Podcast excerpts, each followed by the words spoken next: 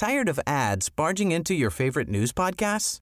Good news. Ad-free listening is available on Amazon Music for all the music plus top podcasts included with your Prime membership. Stay up to date on everything newsworthy by downloading the Amazon Music app for free or go to amazon.com slash news ad free. That's amazon.com slash news ad free to catch up on the latest episodes without the ads. Finding your perfect home was hard, but thanks to Burrow, furnishing it has never been easier. Burrow's easy to assemble modular sofas and sectionals are made from premium, durable materials, including stain and scratch resistant fabrics. So they're not just comfortable and stylish, they're built to last. Plus, every single Burrow order ships free right to your door. Right now, get 15% off your first order at burrow.com slash ACAST. That's 15% off at burrow.com slash ACAST. Nej, men vi är så orimligt taggade på att vara tillbaka. Nu känner ju inte ni att vi är tillbaka, för att ni har ju hört oss varje vecka, eh, om ni är patrons, likväl. Men vi har ju faktiskt tagit en liten paus och nu är vi, och ni är så söta, ni sitter och ler framför mig. Eh, väl, välkomna skulle jag säga. Jag ska också säga att ni lyssnar förstås på en ny säsong med Nyans med mig Kajan. Med mig Hanna. Och med mig Paula.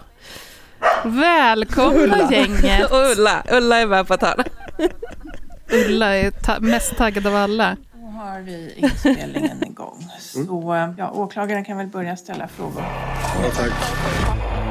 Det här är Nyans, feministisk true crime med Kajan, Hanna och Paula. Hörni, gud vad fint att se er. Men verkligen. Det har varit så konstigt att inte podda. Jättekonstigt. Men dig Hanna har jag ju faktiskt fått träffa. Ja, ja jag har Ja. gossat med sushi i en hel vecka. Det var väldigt mysigt. Jag blev så van att gå runt och bära på honom överallt. Att det var bara Berätta, så- du var hundvakt. Jag var, jag var hundvakt och sushi, Paulas hund. Eh, Mm. Det var väldigt mysigt, för jag satt, det var när jag skrev slut, det var till sista veckan på boken, eller det var ja, två sista veckorna på boken. Så att jag satt ju och skrev hela dagarna och då satt, då satt sushi i mitt knä, alltså hela dagen. Och bara följde med mig överallt. Det var så mysigt. Och Paula, vad, vad gjorde du som krävde en hundvakt? Vi var och hälsade på svärfar i Finland. Mys. Ja, det var riktigt mysigt. Och då är det ju så till Finland att hunden måste vara rabiesvaccinerad. Vilket vi absolut inte hade tänkt på. Och eh, man måste då vaccinera absolut närmast in på, det skulle ha gått 31 dagar. Och när vi kom på att det var eh, ett behov av rabiesvaccinering för att få komma med hunden till Finland, så var det 29 dagar kvar tills vi skulle åka, så det sket sig. Var inte det någon, eh, eh, någon grej som spreds? Alltså en kvinna som hade med sig sina två hundar och så var den ena hunden dräktig Jo, det var och fick valpar. väldigt så av- blandade åsikter där. avlivade de hela bunten. Hela Ja. sällskapet. Ja. Ja, precis. Det var nästan att eh, tanten rök med också. Ja. Eh, jag satt och fniss, jag läste faktiskt eh, lite om den för, för Simo, för jag satt och skrattade åt att det var någon kvinna som engagerade sig jättemycket i den här eh, nyheten på Aftonbladets Facebook-sida. Mhm. Så hon hade liksom skrivit ihop ett färdigt svar som hon copy-pastade till folk. Och jag räknade till 19 stycken copy-paste på det svaret ifrån henne. Men på vissa hade hon lagt till någon sån liten mening här eller där eller sådär, justerat lite grann. Men på det stora hela var det samma svar som hon copy-pastade till alla och det var jätteroligt. Jag tycker det låter effektivt och föredömligt. Ja, alltså grejen var att eh, jag, jag höll ju med henne, så det var ju, gjorde det ju bara ännu roligare liksom att se så här, hur ihärdigt hon höll på att skriva till alla om att eh, den här tanten fick skylla sig själv. Ja, det var det du höll med att om. Det, ja, för att det var ju liksom... ehm, ja, men det som hon copy-pastade till alla var ju det här att eh, den här kvinnan hade haft med sina hundar till Polen förra året också. Och när hon kom tillbaka fått veta att hur det var liksom, med papperna och hur man skulle göra och sådär. Och att hon egentligen inte fick ta med hundarna in. Men eftersom det var första gången så gjorde Jordbruksverket ett undantag. Eh, Mm. Så att hon fick ta med sig hundarna hem och självisolera. Mm. Och så gjorde hon om exakt samma grej nu. Mm. Men med då lilla tillägget att hennes eh, hona hade varit dräktig när hon åkte till Polen och valpade på färjan tillbaka till Sverige. Så Mm. att när de kom i land så hade ju de liksom så här valpar som var typ ett dygn gamla bara. Oj. Som de definitivt inte hade några papper på. Och den här gången så sa Jordbruksverket liksom mer att mm, du visste reglerna, Men, det här är inte okej. Men- Och då Mm. avlivades hela hundfamiljen. ja men alltså Mm. hur tänker man när man säger oj det här får man inte göra, shit jag klarar precis, det var liksom, nu gjorde man ett undantag jag klarade mig. Och sen gör man exakt samma sak igen. Mm. Mm. Men Hur, alltså förlåt men det finns så mycket idiotiska hundägare. Där ute. Ja, alltså, det, är finns- jättekonstigt. För jag menar, när vi upptäckte det här med att oj, shit, vi har missat att man måste rabiesvaccinera. För vi tänkte så här, men Finland har ju ingen rabies och det är liksom så här. Mm, Så det, ja, ja, det ja, men såklart. Tänkt på liksom mellan Sverige och Finland. Eh, men då var det verkligen så att nej, men vi kollar om det är någon som har möjlighet att ha sushi den veckan. Och finns det ingen, då får vi ställa in. Mm, Mm. Det, det är det som händer liksom. mm. Får vi ingen hundvakt nu, då ställer vi in. Mm. Eh, att, att liksom ta så här att äh, vi chansar, Nej men alltså det är ju så... assisterar ju liksom nej, men, inte. nej men alltså Det är ju inte som att chansa och liksom planka på tunnelbanan. Nej. Det är ju inte riktigt de Nej. stakesen som är i. Och sen så att jag håller ju helt med om att ansvaret ligger på henne. Sen är det ju tragiskt Mm. så inåt helvete likväl för att det är... Ja, eh, för hundarnas del för är det ju jättesorgligt. som- Så det är ju därför Ja.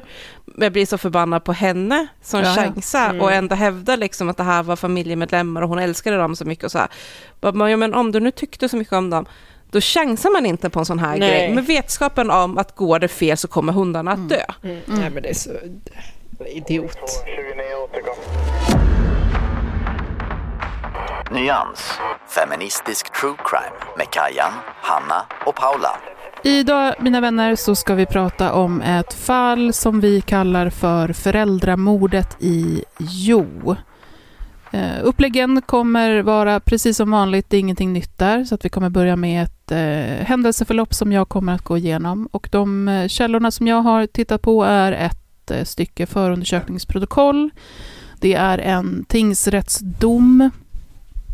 Jag har läst, eh, jag tror att det är typ fem artiklar från Expressen Eh, som bevakade det här.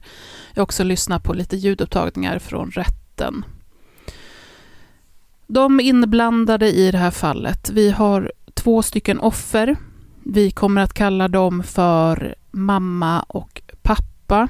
Jag kommer också omnämna dem som föräldrarna. Eh, så att de får inga andra namn, utan det är det vi kommer gå på. Vi har också en förövare som heter Josefin Nord. Vi är i Jo. Det är den 8 mars 2020. Klockan är 20.33 på kvällen. På den lokala ICA-butiken så kommer det in en person och handlar cigaretter. Personalen i kassan reagerar på att den här personen, när hen tar av sig handskarna som hen har på händerna, ehm, att personen är blodig om händerna. De ser lite såriga ut också. Man frågar om allt är som det ska. Personen berättar då ganska så lugnt att hen har skurit sig och 20.36, det vill säga bara några minuter efter, så lämnar hen butiken. En stund senare ser ett vittne personen stå utanför ICA och röka. Och det här vittnet reagerar på att det är någonting som känns konstigt. Så vittnet står och iakttar en stund och går sen fram till den här personen för att eh, kontrollera och fråga om allt är som det ska eller om hen behöver hjälp. Personen är då, eller uppfattas som ganska lugn men pratar på ett sätt som är ganska så obegripligt. Eh, det framgår ändå att den här personen vill att vittnet ska ringa till polisen, vilket vittnet också gör. 21.24 klockan då. 21.48 kommer polisen till Stadsparken i Jo och får där kontakt med den här personen. Personen vill då inte uppge sitt namn och vill heller inte uppge vad det är som har hänt när polisen frågar. Men man eh, söker igenom personen och får via ett bankkort då fram namnet Josefin Nord. Hon tas till sjukhuset av några poliser för att hon har lite skärsår på händerna. Medan en patrull stannar kvar och åker till den adress där man kan se att Josefins föräldrar bor. Och det är i närheten. Klockan är då 22.18 och patrullen går in i huset via en olåst köksdörr. Man ropar men får inget svar. Man kan också se att det finns blod på flera ställen i det här huset. Polisen försöker då att ringa på föräldrarnas respektive mobiltelefoner och när man gör det så hör man ringsignaler eh, komma någonstans ifrån huset. Och man följer dem och kommer fram till eh, låsta dörrar. De här dörrarna bryter man upp och i två separata rum bakom dörrarna så hittar man Josefin Nords mamma och pappa avlidna. Och de har stora mängder skador. Eh, man kommer se ganska snart att de har knivhuggits till döds.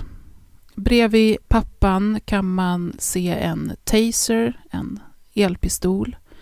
Och eh, man finner också flera olika tecken på strid. Det är till exempel en hopknögglad matta i ett rum. Det är blod som är utsmetat i, i flera olika rum och så vidare. Man hittar också en blodig kniv och en brandsläckare med blodbesudlingar på. Vi kommer att hoppa tillbaka i tiden. Föräldrarna, det vill säga de som vi pratar om som mamma och pappa, träffas i slutet av eh, 80-talet. Då har de båda barn från tidigare relationer. Mamma har två barn sedan tidigare, pappa har fyra. 1992 får de sitt första och enda gemensamma barn, Josefin. Eh, Josefin går under uppväxten under namnet Mikael. Det är först långt senare som Josefin vill bli kallad vid andra namn än Mikael och till sist också byter namn till Josefin samt eh, identifierar sig som transperson. Det ska sägas att det här med eh, namnet, namnbytet och också att eh, Mikael då som familjen kände personen som numera identifierar sig som kvinna inte är något som har kommunicerats ut till hela familjen.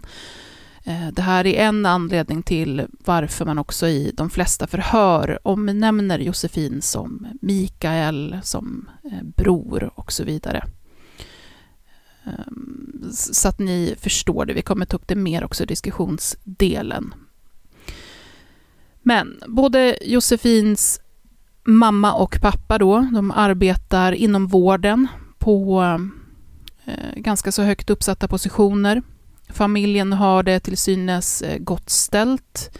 Eh, 1997 så flyttar man till en stor trävilla i Jo. Det är som en, en residensbostad, en, eh, ett ganska pampigt hus helt enkelt. Och det är i det här huset som Josefin växer upp tillsammans med sina föräldrar och ibland också något av de andra syskonen som, som bor där veckovis eller på någon helg eller så. Omgivningen beskriver Josefins uppväxt som ganska så eh, strulig. Vissa menar att det är rätt tidigt och också väldigt tydligt märks att eh, Josefin är autistisk. Det finns eh, svårigheter i socialt samspel, eh, i att föra samtal, det är svårt med att ta sig till skolan och sådär. Eh, det som man också samstämmigt vittnar om och som Josefin själv i alla fall delvis kommer in på i förhör är att hon blir väldigt omhuldad som barn. Hon är lite av en sladdis och som sagt eh, föräldrarnas enda gemensamma barn. Flera i omgivningen pratar om att eh, ju större Josefin blir, desto tydligare tycker man att det är att hon är väldigt bortskämd. Man tycker att hon fick allt som hon pekar på, att det var för dåligt med regler för henne och så vidare. Och framför allt, eh, ska jag säga, när man tittar i fuppen så kommer det fram genom de äldre syskonen då att eh, man ser helt enkelt på Josefin som någon som har det väldigt eh, förspänt och att det var något som ganska så snart tog sig uttryck i vad man tycker var bortskämdhet. Josefin börjar också att Eh, må dåligt psykiskt. Det är som sagt svårt med skolan. Föräldrarna sätter henne i kontakt med psykvården flera gånger och i flera omgångar. Hon upplevs deprimerad och det är svårt att få eh, vardagen att fungera. Jag ska säga att Josefin får också en, en Asperger-diagnos, men jag kommer komma in mer på det sen. När Josefin blir äldre så börjar hon uttrycka att hennes svårigheter och hennes dåliga mående beror på mamma och pappa. Hon menar mer och mer att hon har blivit misshandlad av sina föräldrar, framförallt då av mamma. Josefin menar att hon har blivit så pass illa behandlad under hela uppväxten att hon har fått PTSD och hon säger dessutom att hennes mamma våldtagit henne och också konsekvent haft ett väldigt olämpligt eh, sexuellt beteende mot henne. Syskonen som inte har sådär jättemycket kontakt med Josefin eh, i vuxen ålder får höra om det här eh, missnöjet, avskyn gentemot föräldrarna. Men när de frågar så kan Josefin aldrig ge exempel på till exempel då den där misshandeln eller vanvården. Men hon uttrycker ett hat mot föräldrarna och hon menar att de har skadat henne för livet. Josefin flyttar hemifrån när hon är 17, 18. Eh, hon bor bland annat då i Göteborg och pluggar. Hon är i några perioder i Barcelona. Och det händer mycket saker kring henne där. Bland annat så eh, berättar hon själv att hon eh, blir rånad flera gånger i Barcelona, där hon också lever i heroinmissbruk. Hon är hemlös under en period. När hon bor i Göteborg så blir hon mordhotad och får eh, också PTSD av det, menar hon. Och omgivningen då, de berättar att eh, under de här åren så är mamma och pappa väldigt oroliga för Josefin. De bistår med pengar, de eh, köper biljetter, de åker och hämtar, de försöker få henne att få hjälp av vården och så vidare. Till slut så flyttar Josefin till Umeå för att plugga. Eh, familjen i förhör verkar uppfatta det som att hon har kommit in på och ska börja läsa på läkarprogrammet, men har missat något upprop och sådär. Men det är eh, ganska så oklart. I domen står det till exempel att hon läser kurser i naturvetenskap. I ljudupptagning från rättegången säger hon själv att hon pluggar till att bli civilingenjör. Eh, men, men hon läser på universitetet i Umeå. Eh, och bor i en studentkorridor. Och relationen till föräldrarna blir sämre och sämre. Mamma har för närstående börjat uttrycka rädsla för Josefin. Hon har blivit våldsam mot mamman, eh, fysiskt våldsam vid ett par tillfällen.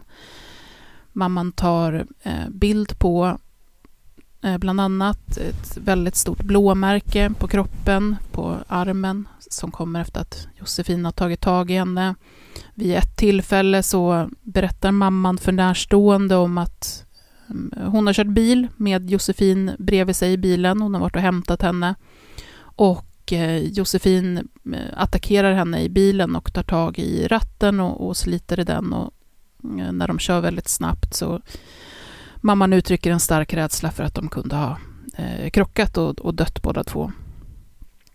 Mamman berättar också om att Josefin kan få utbrott, eh, kasta porslin och skrika.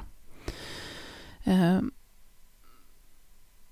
Mamman och pappan söker då eh, stöd hos några eh, bekanta eller liksom närstående. Eh, och de berättar för de här personerna också om att Josefin ibland kommer hem till villan i Jo utan att meddela sig. Så helt plötsligt kan de upptäcka att hon är där och att hon har varit det ett tag utan att de visste om det och de tycker att det känns ganska obehagligt. Till slut så sätter föräldrarna in nya lås på bland annat eh, sovrumsdörrarna för att de ska kunna låsa om sig på natten och för att det ska kännas eh, tryggare för dem. Josefin själv menar att inget våld överhuvudtaget har förekommit från hennes sida. Eh, hon säger också att föräldrarna har misshandlat henne både psykiskt och fysiskt. Men hon säger även att föräldrarna aldrig varit fysiskt våldsamma mot henne. Eh, det är ganska mycket dubbelheter som, eh, som kan kännas förvirrande här, men jag tänker att vi ska prata om det sen också. Josefin säger också att på grund av den psykiska misshandel och eh, de eh, sexuella övergreppen och det här att eh, föräldrarna fortsätter att manipulera och kränka och psykiskt misshandla henne så vill hon ha så lite kontakt med dem som möjligt. Hon vill till och med avsluta kontakten helt och hållet. Men hon behöver göra ett undantag och det undantaget äger rum den 8 mars 2020. Josefin uppger då att hon tvingas åka till föräldrahemmet, eh, bland annat för att hämta lite saker som hon har där. Hon vill som sagt avbryta den här eh, kontakten helt och hållet med föräldrarna och hon har några saker hon vill hämta först. Hon har också börjat använda en gammal dator Eh, och för att kunna logga in på sin mail på den här datorn så säger hon att hon måste göra det på den plats där hon senast loggade in på mejlen eh, på den här datorn. Och den platsen är i huset i Jo. Pappa köper tåg och bussbiljett till Josefin som åker från studentrummet i Umeå. 16.38 är hon framme i Skövde där tåget stannar och 17.54 är hon framme vid busstationen i Jo. Busstationen ligger också väldigt nära familjehemmet. När hon kommer hem då till huset så sitter pappa och pratar med ett av sina andra barn i telefonen och Josefin får säga hej i telefonen. Något som syskonet sen kommer att berätta om i förhör. Det telefonsamtalet varade i sin helhet mellan 17.59 och 18.07. Föräldrarna har förberett mat i matsalen som de ska bjuda Josefin på. Eh, det är oxjärpar.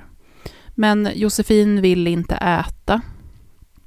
Hon säger att hon tycker att det känns obehagligt att vara där eh, och att hon på grund av det inte tycker att det känns eh, rätt att äta. Hon är inte sugen helt enkelt. Josefin säger själv att hon inte kunde låta bli att konfrontera sina föräldrar med allt hemskt som de har utsatt henne för under uppväxten. Eh, och hon säger både att föräldrarna eh, blåljög och förnekade det som Josefin menar har hänt och att det här att de förnekade det var väldigt provocerande för henne. Men hon säger också att föräldrarna erkänner det de har gjort och att det var väldigt provocerande. Josefin uppger att hon lämnar matsalen ett tag. Eh, hon blir så provocerad och upprörd så att hon går därifrån. Och att föräldrarna sen är i eh, sitt sovrum när hon går dit och tar upp diskussionen igen. Hon säger att mamman då uttrycker och säger eh, rakt ut att hon hatar Josefin. Eh, mamman hånler mot henne, menar Josefin. Och Josefin säger också att mamman erkände den här misshandeln och de här övergreppen och till och med sa att Josefin aldrig skulle våga göra någonting åt det, aldrig våga anmäla och så vidare. Eh, och som vanligt så påminner jag nu om att just det här är Josefins utsaga. Det här då som Josefin menar att mamman säger och gör eh, gör att Josefin ser rött, som hon uttrycker det. Hon går då ner till köket och hämtar en eller två köksknivar innan hon vänder om och börjar gå upp mot sovrummet igen. På vägen upp i trappan så möter hon sin pappa och hon säger att han då skrattar åt den här uppgiften att mamman skulle ha våldtagit henne. Josefin menar att hon då inser att pappan står på mammans sida. Så hon fortsätter in i sovrummet till mamman som då sitter på sängen. Josefin menar att mamman fortsätter att eh, hånle och eh, förneka att hon gjort fel. Eh, ett litet tillägg här. Nu menar alltså Josefin att mamman förnekar att hon har gjort någonting och alldeles nyss så menar hon att mamman erkände, så att det är lite rörigt som sagt. Men det här gör i alla fall att Josefin känner sig väldigt eh, kränkt och trakasserad och hon ser rött och börjar hugga med kniven. Medan hon upprepat hugger eh, sin mamma så kommer hennes pappa upp bakom henne och sätter en taser mot hennes nacke. Eh, det är lite oklart hur mycket den där tasern tar, men det stoppar i alla fall inte eh, Josefin. Så hon säger att eh, samtidigt som det här sker, hon omnämner det som att pappan attackerar henne, och samtidigt så drar mamman henne i håret. Ehm, och genomgående när Josefin i förhör berättar om den här eh, situationen så pratar hon om att hennes föräldrar eh, attackerar henne på olika sätt.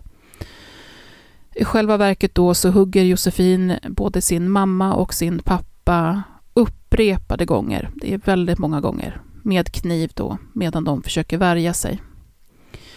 Mot den delen av huset där sovrummet ligger så finns det eh, två dörrar som eh, tillsammans då kan göra att man kan avskärma sovrummet från resten av huset.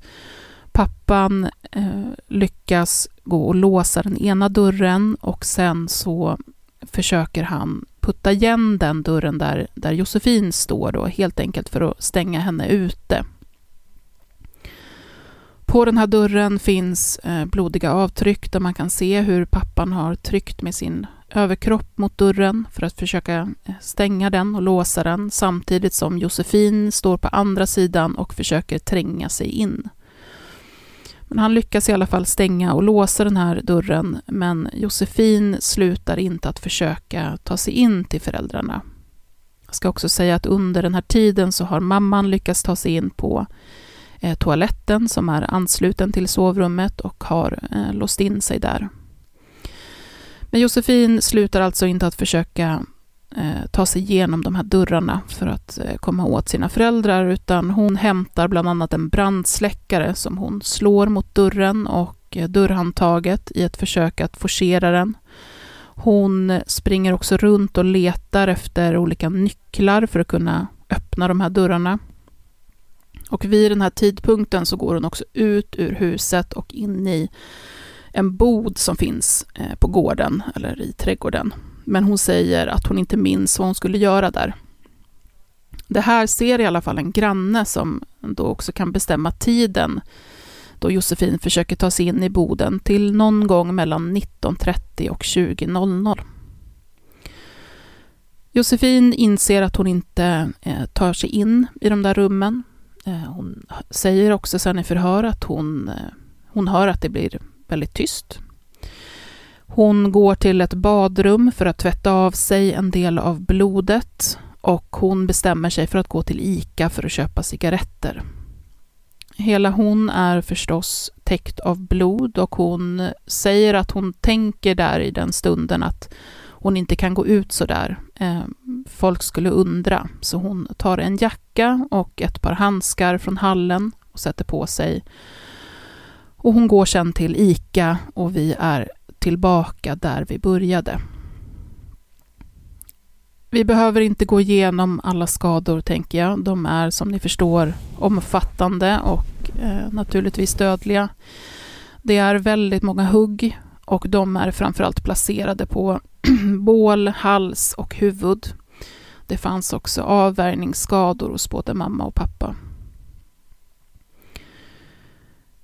Eh, jag har, för det här fallet så har jag ganska mycket som jag har skrivit in under diskussionsdelen som jag tänker att jag ska spara tills dess, men jag ska ta med en sista sak innan det är Hannas tur. Och det är också att det har, eh, det framkommer att det fanns en, en utredning om olaga förföljelse. Den här utredningen pågick, eh, eller eller om det var att händelsen utspelade sig mellan 2015 och 2018. Det var alltså Josefin som utreddes för den här olaga förföljelsen. Eh, och det var då ett ex till eh, Josefin som var utsatt. Och under den här utredningen så hittar man mängder av mejl och sms från Josefin eh, då till det här exet där det framkommer hur Josefin såg på sina föräldrar. Hon skriver upprepat om ehm, det här traumat då som hon har eh, blivit utsatt för, PTSD, hur mycket hon hatar dem, eh, att det är misshandel och så vidare. Den här utredningen lades senare ner. Eh, I fuppen till det här fallet så kan man läsa att det i alla fall av vad jag kunde utröna, att det handlar om att det inte går att säkra att de här meddelandena faktiskt kommer från Josefin. Eh, I Expressen står det att det här ärendet avskrevs för att det hann preskriberas. Men man eh, säger i alla fall att man redan då från eh, ja, polisen eller rättsväsendets sida befarade att någonting skulle hända de här föräldrarna. Ehm, man, I Expressen i alla fall så pratar man om det som att man redan då befarade ett kommande dubbelmord, men att det helt enkelt inte var så uttalat att det fanns någonting att agera på. Eh, och det sista jag ska lägga till är att i, när Josefin sitter i häktet så förekommer det en del skadegörelse som sen också blir en del av eh, åtalet. Josefin eh, förstör lite böcker och sånt där men skriver också på väggar och Josefin skriver då om helt enkelt att hon har haft ihjäl sina föräldrar med kniv och eh, hon skriver att de har misshandlat henne och våldtagit henne och att hennes pappa försökte mörda henne så att hon eh, dödade dem med kniv. Eh, som sagt, jag har väldigt mycket diskussionsdelen, men vi tar lite, lite dom och sånt först, va Hanna? Nyans, feministisk true crime med Kajan, Hanna och Paula. Tired of ads barging into your favorite news podcasts? Good news. Ad-free listening is available on Amazon Music for all the music plus top podcasts included with your Prime membership. Stay up to date on everything newsworthy by downloading the Amazon Music app for free or go to amazon.com slash news ad free. That's amazon.com slash news ad free to catch up on the latest episodes without the ads.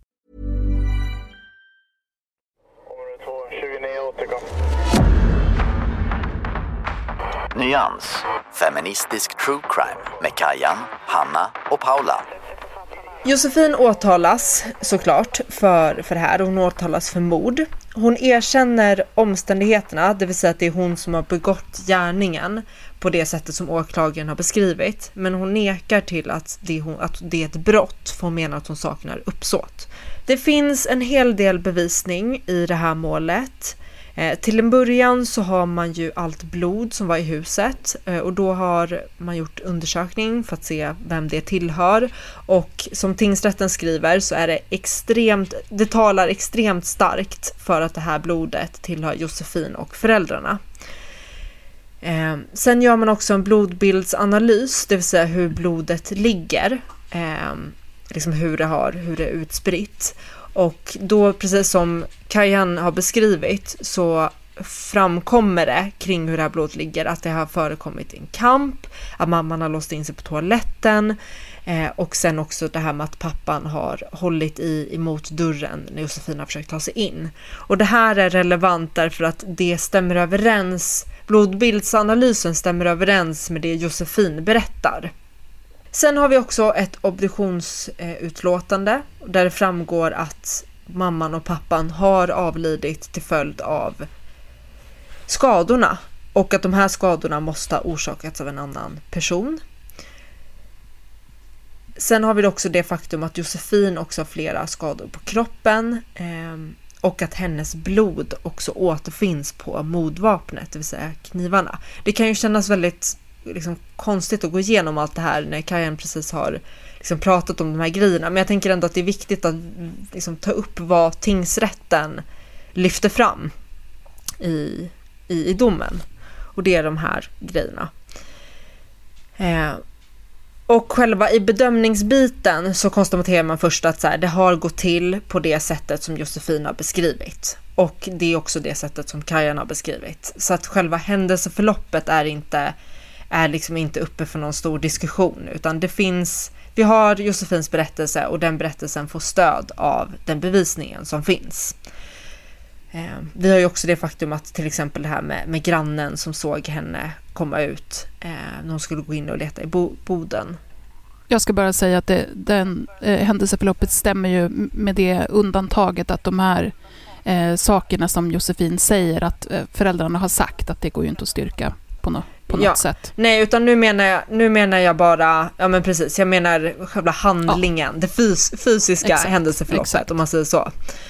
Ehm, så det, det är klarlagt. Den stora biten i den här domen skulle jag säga är ju huruvida det funnits ett uppsåt. Det blir det centrala att, att utreda. Det är uppenbart att Josefin har psykiska problem. Så att man gör en rättspsykiatrisk undersökning och kommer fram till att hon lider av en allvarlig psykisk störning vid mordet. Men tingsrätten ska trots det här göra en vanlig uppsåtsbedömning. Så att om man kommer fram till att ja, men, ja, hon har en allvarlig psykisk störning, det är hon som har utfört mordet, men man kan ändå komma fram till att hon inte haft uppsåt och då ska hon ju såklart inte dömas. Och tingsrätten säger så här angående det.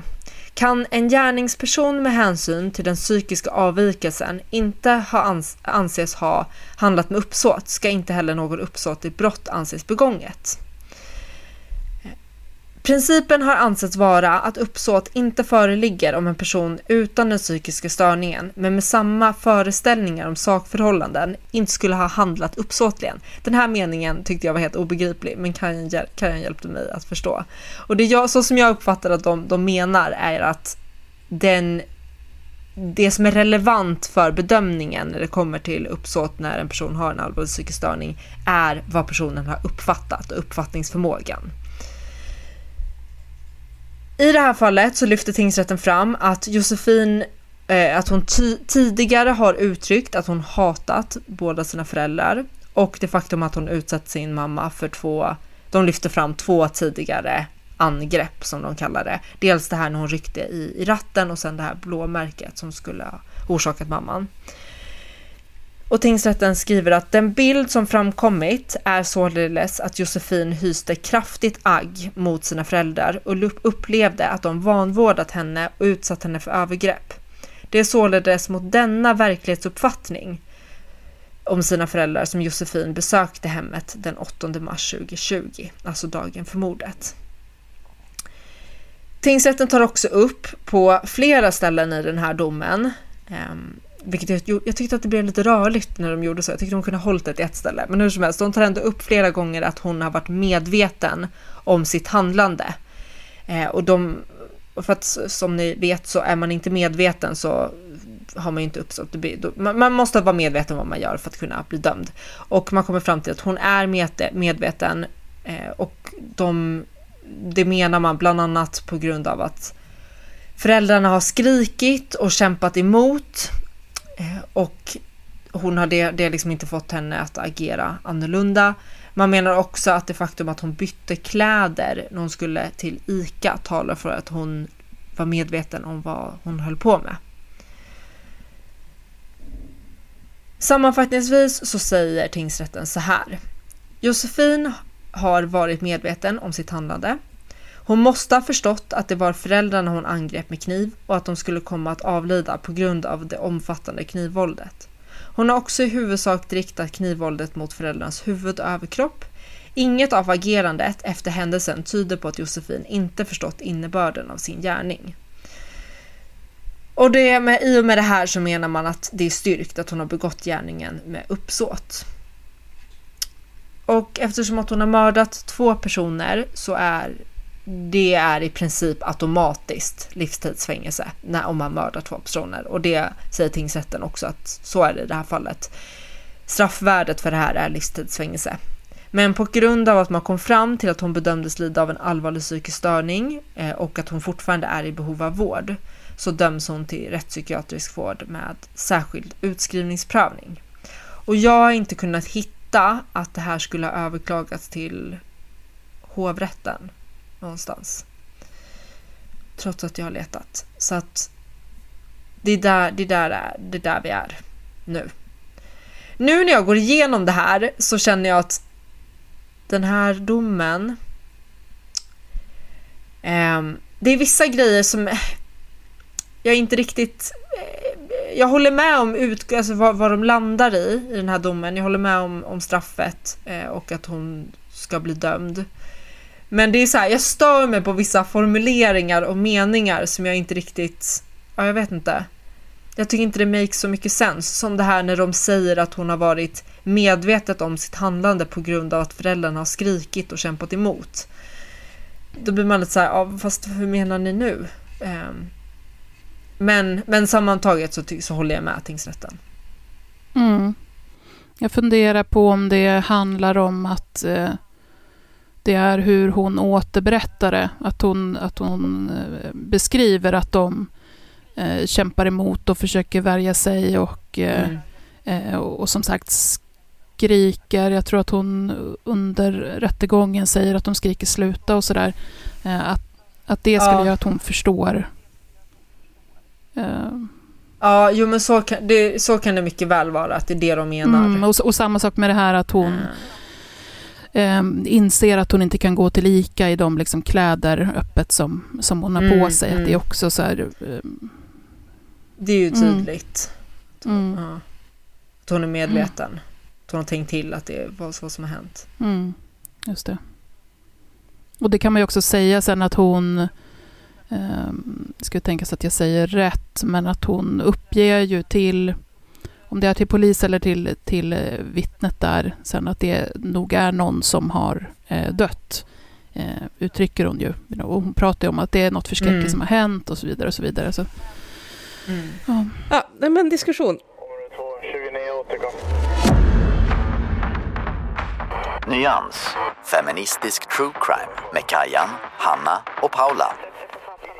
Eh, när, när jag sökte på det här fallet, för jag hade faktiskt missat det. Jag vet inte riktigt hur jag lyckats missa det, för det har skrivits jättemycket om det och ändå... Jag hade också missat det. Jag hade ingen aning. Vad är det här? Men jag var så här, jag bara, hur kan media ha missat det här och inte skrivit någonting om det? Så googlade jag bara, oj, det hade de inte missat. Nej, det har skrivits väldigt, väldigt, väldigt mycket. Men en sak jag noterade som jag tyckte var lite intressant, det var att på Aftonbladet så jag kunde inte hitta en enda artikel där de faktiskt nämner det faktum att föräldrarna blev mördade av sitt barn. Utan det, inledningsvis så är det bara att de skriver att en person har påträffats blodig, man har hittat två personer i ett hem som blev mördade eh, och polisen utreder vad som har hänt. Och sen går det vidare till att en person har blivit anhållen misstänkt för det här mordet. Eh, och så kommer det lite detaljer, typ att den här personen har skrivit eh, hotfulla brev, eller den här personen har gjort ditten och datten. Mm. Men det står ingenting mer än att en person har. Och först när domen kommer så, så har man gått över till att skriva kvinna åtalad. Eh, eller kvinna dömd för mord eh, mm. i dubbelmordet i Jo. Och eh, jag såg att de hade någon så här plusartikel också, så, sån betalvägsartikel, där det stod också någonting om att kvinnan som mördade eh, eller som utförde dubbelmordet i Jo. Men det var också så att, utan det man kunde se utan att, eh, utan att betala för sig, så nämner de inte heller där att det handlar om parets dotter. Vilket jag fann ganska intressant, mm, för det var mm. ju ingen hemlighet liksom i, eh, i övrigt. För tittar man istället på till exempel Expressen, mm. så, så skrev de ganska tidigt efter att det hade kommit ut, eh, började läcka ut lite grann, alltså efter åtalet typ, att eh, men det är parets barn som har blivit åtalat.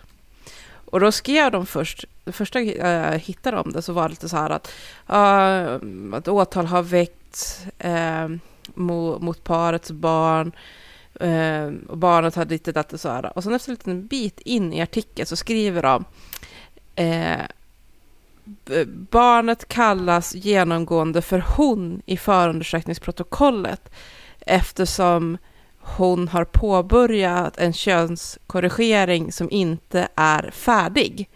Och därefter skriver de hon Mm. om personen. Och jag, var så här, jag bara, har jag någonsin sett en artikel utformad så här ever? Det var verkligen så, som att de verkligen vill göra en, alltså det, det vart lite som att de ville friskriva sig. Att Mm. liksom så här, kom inte och gnäll på oss nu för att vi skriver hon, eh, för det är vad de faktiskt skriver i fuppen för att det här är en transperson. Mm. Eh, så att de förväntar sig liksom att, att man ska skriva han Mm. när det är en hon. Liksom. Eh, Med, medan det kändes som att Aftonbladet försökte ducka det helt ända fram till domen kom och de nästan måste skriva någonting mer än en person har blivit dömd. Eh, så jag vet inte, det, det känns som att media tassat runt det här en del. Jag skulle säga att jag tycker att det här, alltså att det känns som ett väldigt bra förfarande. Alltså det är ju så här jag eh, egentligen tycker att man borde, jag ska vi se så jag uttrycker det här rätt. För, för att omnämna någon som, som eh, ett barn till eller, eh, eller så blir ett eh, utpekande. För, för att det blir väldigt lätt för många att lista ut vem det handlar om istället för att skriva en, en 34-åring eller sådär som blir väldigt allmänt. Så att just när det är Ehm, ett, ett så uppseendeväckande mord på en liten ort och man pratar om eh, deras barn så, så är det väldigt lätt för många att veta vem det handlar om. Så att man egentligen faktiskt ska skriva om, om det som eh, offrens barn först när personen är dömd. Det kan jag tänka egentligen är, är alldeles eh, korrekt och så som man... Det var ju det som jag tyckte var konstigt med Aftonbladet, att de inte nämner det ens när hon blev dömd. Det var bara att när hon blev dömd som de faktiskt började köna henne. Innan dess var det bara personen. Mm. De, hade det, de uppgav också väldigt mycket olika åldrar. Först var det liksom en person i 20-årsåldern. Sen var det en person i 30-årsåldern. Och sen var det kvinnan som är i dryga 30-årsåldern. Alltså de hade ett spann på nästan 15 år som de angav med hur gammal hon var. Mm. Och det var också lite så här, man bara, fast nu vet ni ju hur gammal hon är. Mm. Ehm, och nu när hon är dömd så kan man ju faktiskt säga att det är dottern som har blivit dömd. Eh, men, men som att de Mm. verkligen liksom så ville tassa på tå kring det. Eh, och, och liksom, det, att det blir, jag vet inte, det, jag får lite känslan av att genom att bara skriva att en kvinna har dömts Mm. för dubbelmordet till Jo, så som de gjorde, och inte skriva att den kvinnan är parets dotter, Mm. så behöver de inte heller riktigt ta i transfrågan. För skriver de att parets dotter har mördat dem, så blir det ju också att de då på något sätt accepterar transskapet, eller vad man ska säga, och eventuellt då påtvingar släkten att acceptera att parets dotter mördar dem, inte deras son.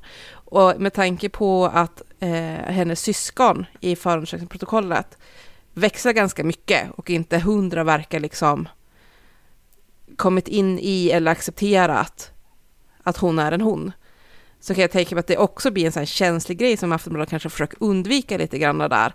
Att även om de känner henne som hon, undviker det här med dotterskapet som automatiskt gör henne till syster till sina syskon, som kanske inte alls vill se henne som syskon, eller som syster. Jag vill också bara säga liksom till, för, för syskonens perspektiv så är det ju flera som säger att i och med att de inte har någon kontakt med Josefin i princip alls eh, och där Josefin också har tidigare velat bli kallad vid andra namn och då även tidigare eh, manskodade namn eh, så är det flera av syskonen som säger att de visste helt enkelt inte om det här med, med namnbytet och eh, eh, transidentiteten liksom helt fullt. Det är det i alla fall eh, några som säger. Så att, eh, så att man också tar höjd för att det inte behöver. Jo, men det är därför jag säger det med att de inte har kommit in i det.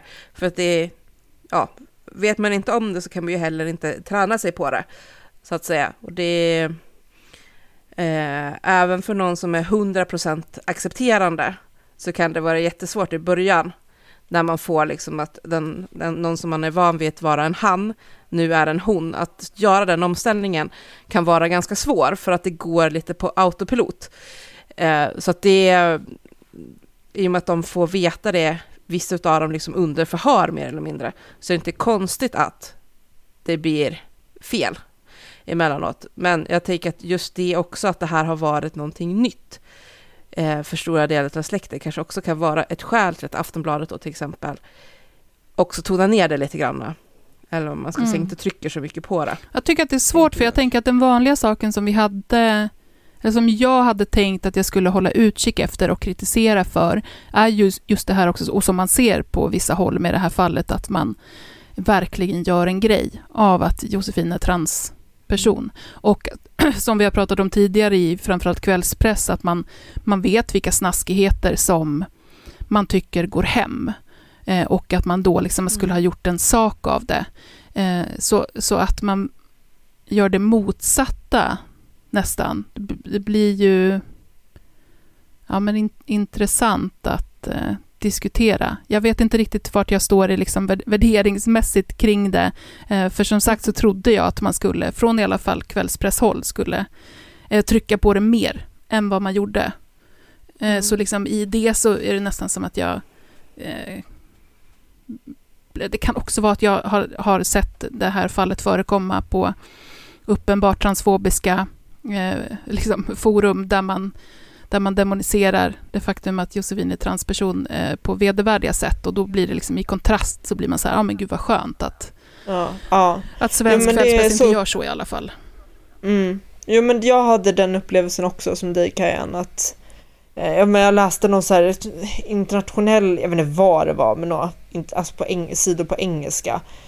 Eh, landade i, då, som var väldigt sådär transfobiskt skrivna. Och då var det också skönt att bara läsa Afton, eller inte Afton, jag vet inte vad det var, läste men typ SVT där det bara var så här, ingen grej av det alls. Nej men jag håller med. Alltså, det, min enda lilla negativitet i det är att det till viss del har gett lite känslan att man helt enkelt inte vågar ta i det. Mm.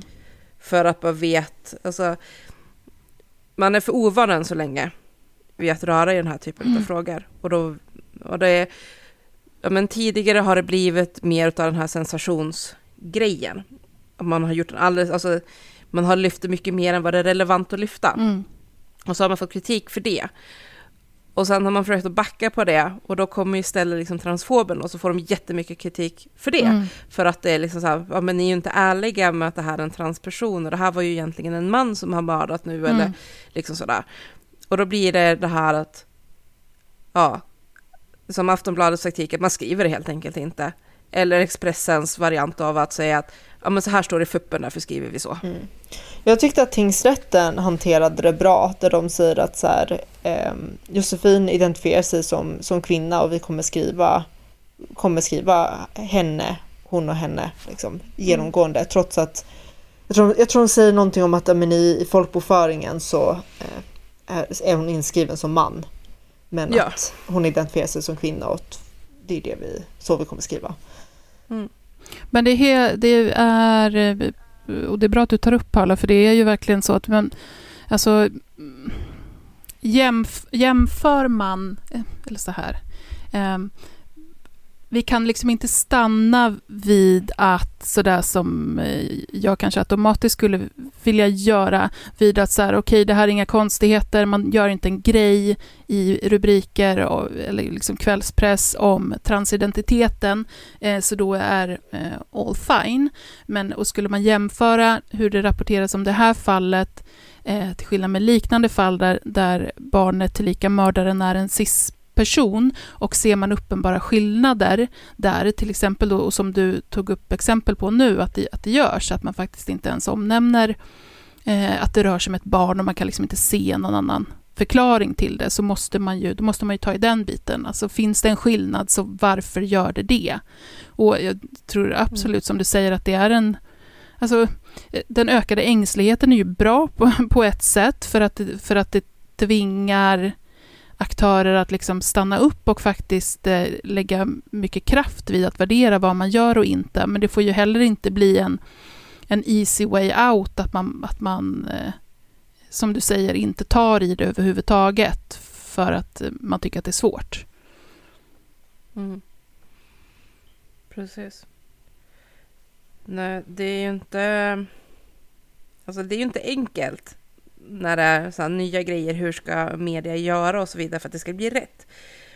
Det, det vill jag ändå liksom understryka, att jag fattar att det kan vara knepigt, men just därför behövs det ju också diskuteras mm. desto mer. Eh, en grej jag tyckte var lite olyckligt, eh, när, när jag sökte bara på eh, föräldramordet, eller dubbelmordet i Jo tror jag det var jag sökte på, för att börja se lite grann liksom olika nyhetskällor. Och klickade, eh, eller ja, man får ju på Google så en liten förhandsvisning också vad det finns för bilder att titta på. Och sen kommer artikel under och så här. Och det kom upp flera bilder på någon stackars kille. Och jag var som så här, har de, har de satt bild på mördaren? Det var konstigt. Eller liksom, eh, det, det brukar de ganska sällan göra i fall där det blir väldigt, väldigt lätt att identifiera hela familjer och sådär. Men så när vi klickar runt lite så visar det sig att nej, det är någon stackars snubbe som har blivit intervjuad om mordet.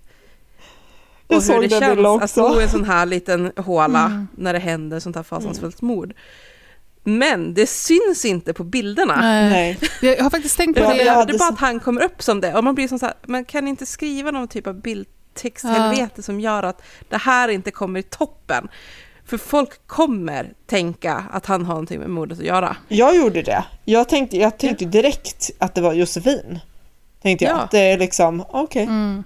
Det, det, här, jag vet att jag har tänkt på det när, när jag har sökt på, när vi har gjort fall eh, om eh, sexualbrottslingar, eh, förövare som utsätter barn och så har, har man sökt runt på det. Då är det ju väldigt för, för sådana bilder publicerar man ju inte på förövaren. Liksom. Men, och det är ju väldigt ofta mm. att det ändå liksom förekommer, och det kan vara någon expert som uttalar sig om någonting, eh, men som inte är sådär allmänt känt. Men att det liksom blir då en bild som, som förekommer väldigt, väldigt mycket. Det blir otroligt olyckligt alltså.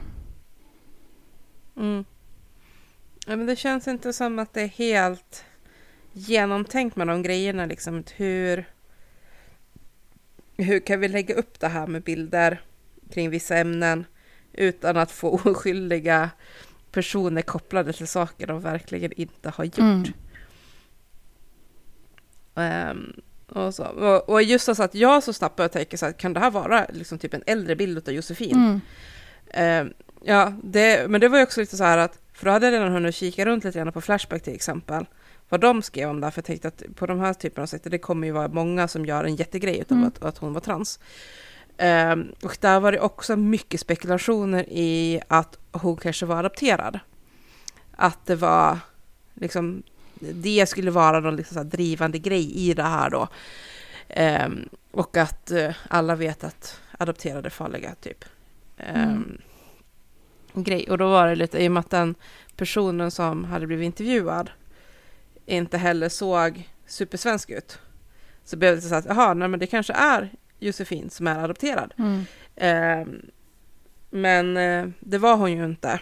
Och det var inte Josefin på bilden. Men det, det vart det där jättekonstigt. Det där blir ju en ganska eh, också talande sak som eh, men som en förklaring och, och, som jag vet att adopterade, precis som du säger, får, får dras med. Och just det här med att man liksom inte... Någonting som är så väldigt obegripligt som att man har ihjäl sina föräldrar eh, måste man tänka liksom att man har... Ja, men det är egentligen hela så här importerat utifrån. Det är, ett, det är så mm. vedervärdigt så det kan inte vara någonting eh, inhemskt, alltså om man säger så. Utan det måste vara någonting som man, mm. någon ondska man har plockat in utifrån. Det är precis på, det är samma liksom förklaringsmodell som man, som man tar till. Alltså jag ska bara säga, så att jag får det sagt, att jag, jag tycker att det är väldigt svårt i det här fallet för att... Ja, det, så här, det, jag tycker att det är svårt att, att prata om. Jag brukar ofta, när vi går igenom fallen och jag har lyssnat på ljudupptagningar och sådär, kunna säga vad jag, vad jag tycker om vad jag tycker om förövaren, alltså eh, som person och sådär, och kunnat göra det ganska eh, inte så himla inlindat. Jag tycker att det är svårt i det här fallet därför att Josefin eh, är en person som på flera sätt alltså stämmer in i någon slags vidrig transfob karikatyr. Eh, och nu får ni stoppa mig om jag, går, liksom, om jag säger någonting som låter fel eller konstigt, ska jag försöka förklara mig. Men, men det handlar ju väldigt mycket om att jo, Josefin är ju, och det är ju klarlagt, ehm, eh, har en allvarlig psykisk störning och är, är psykiskt väldigt, väldigt sjuk. Det är en väldigt sjuk individ. Eh, och sättet som det här, den här eh, ohälsan, sjukdomen tar sig uttryck hos Josefin blir på ett sätt som stämmer in på den här karikatyren och det är att Eh, hon känner sig väldigt utsatt, väldigt kränkt för i princip allting. Ehm, jag tycker också när man tittar på det här i FUPen så finns det ju med då de här som jag nämnde, de här eh, mejlen och smsen som var med i den här tidigare utredningen. Eh, när Josefin faktiskt trakasserar en annan person på ett otroligt obehagligt sätt. Och där är det ju den personen som Josefin trakasserar som liksom får ta den här skulden, som har gjort det här sveket, som har eh, skapat trauma hos Josefin eh, och så vidare och så vidare. Att det i och med att hon är så pass verbal också, uttrycker det på så väldigt många olika sätt och upprepar det i förhör väldigt mycket om hur utsatt hon har varit för olika saker men inte kan ge exempel på det. det Mm. så är det... Förstår ni vad jag är ute efter? Att det, att det blir... Jag förstår precis vad du är ute efter. Det blir väldigt många saker som liksom... Det blir så, så olyckligt att det sammankopplas med en transidentitet för att, för att det fyller i så jävla många boxar som jag liksom bara... Ah, det, jag kan liksom inte sitta och racka ner på det och provoceras av det för att det är eh, så uppenbart en väldigt transfob eh, karikatyr på något sätt. Mm. För det, det, är liksom... Eh, Josefin tar ju upp några liksom, exempel då på, på den här extrema psykiska misshandeln från föräldrarna. Och jag vill liksom vara jättetydlig med att det, här är inte verklighet, utan det här hör till eh, att, att Josefin är sjuk, liksom, så att vi verkligen tar bort det från föräldrarna. Men, men till exempel då att, att Josefin, eh, hon säger att hon inte lärde sig cykla förrän i slutet av mellanstadiet och att det faktiskt var ett stort trauma. Eh, och, och, så här byggs det ju liksom på för henne. Mm. Tingsrätten skriver också att det här att, att föräldrarna skulle ha utsatt henne är är en del av hennes liksom vanföreställningar. Ja. Det, det är mm. del av den, de skriver det uttryckligen, att det är en del av den allvarliga psykiska störningen. Ja. Mm. Precis. Nej, men jag håller med att det, det är ju verkligen så. Det, det här är ju ett fall som eh, mindre trevliga personer, eller hur man ska uttrycka mm. det, eh, gladeligen kommer använda sig av för att kunna säga att eh, transkvinnor är farliga eller bara galna mm. eller ja, men whatever liksom. Att man kommer tycka att, eh, att det här på något sätt bevisar någonting överhuvudtaget kring Japp transpersoner. Ja, och, och framförallt då kring transkvinnor. Och att det skulle handla om någon så kategori som bara är överdrivet woke och blir kränkt av precis allting. Och titta hur mm, det kan gå mm, då. Mm. För att, och Josefin är ju uppenbarligen alltså en, ändå liksom en, en eh, väldigt smart person och som har eh, läst sig till mycket olika uttryck eh, som liksom rör trauma, PTSD, eh, hon blir triggad mm. av saker. Det, det, är väldigt mycket som hon eh, driver en teoribildning liksom kring det här. Eh, vilket gör det liksom ännu mer eh, svårt och knepigt. Sen är det, sen mm. det som också blir väldigt svårt, eh, och så är det ju med vanföreställningar förstås, det, det går ju inte att föra eh, logiska resonemang kring det på samma sätt som verklighet såklart. Men det är ju den här, alltså, väldiga dubbelheten eh, i det som Josefin berättar. Alltså hon, hon säger att eh, en del av den här psykiska misshandeln och vanvården handlar om att ingen har eh, brytt sig om henne, man har inte kramat henne. Andra stunden mm. så säger hon att man har brytt sig för mycket, man har liksom inte satt några regler, man har, det har varit obehagligt när man har kramat henne för att det har, då har det varit sexuellt. Mm. Eh, blir väldigt ologiska förstås, resonemang som gör det väldigt tydligt att det är just vanföreställningar som, som hon pratar om, eller som hon lever i. Och det är ju också när hon då i förhör pushas för att liksom ge exempel på den här vanvården och på de här övergreppen så, så radar hon ju upp eh, drömmar hon har haft. Och också hur, hur hon, när hon föddes, hade navelsträngen runt, runt halsen och att det här då har, har liksom i sin tur gjort att hon har drömt att mamman har strypt henne och sen att det har skapat eh, liksom, eh, vad, vad, säger man, eh, anknytnings Eh, mm. stö, mm. ja, mm. störd anknytning och så vidare och så vidare. Ja, jag vet inte vad jag säger, det går liksom inte att resonera kring. Jag vet att vi, när vi gjorde fallet med, med kvinnan som hugger ihjäl sin eh, kompis tillika arbetskamrat för att hon eh, då har fått för sig att den här personen vill åt hennes jobb. Så mm. var det ju vanföreställningar där med. Men, mm. men det gick fortfarande att på något vis eh, ja, men, se vart hon gick i tankarna på något sätt. Och det gick mm, att så här, ja men mm, okej, det där kan ju inte stämma. Man kunde fortfarande logiskt resonera kring det. Här går det inte ens, för att det är en sån Nej. fantasivärld. Ja, det är inte, det, med det fallet var inte, det var ju, vanföreställningarna var inte så motsägelsefulla som i det här fallet. Nej.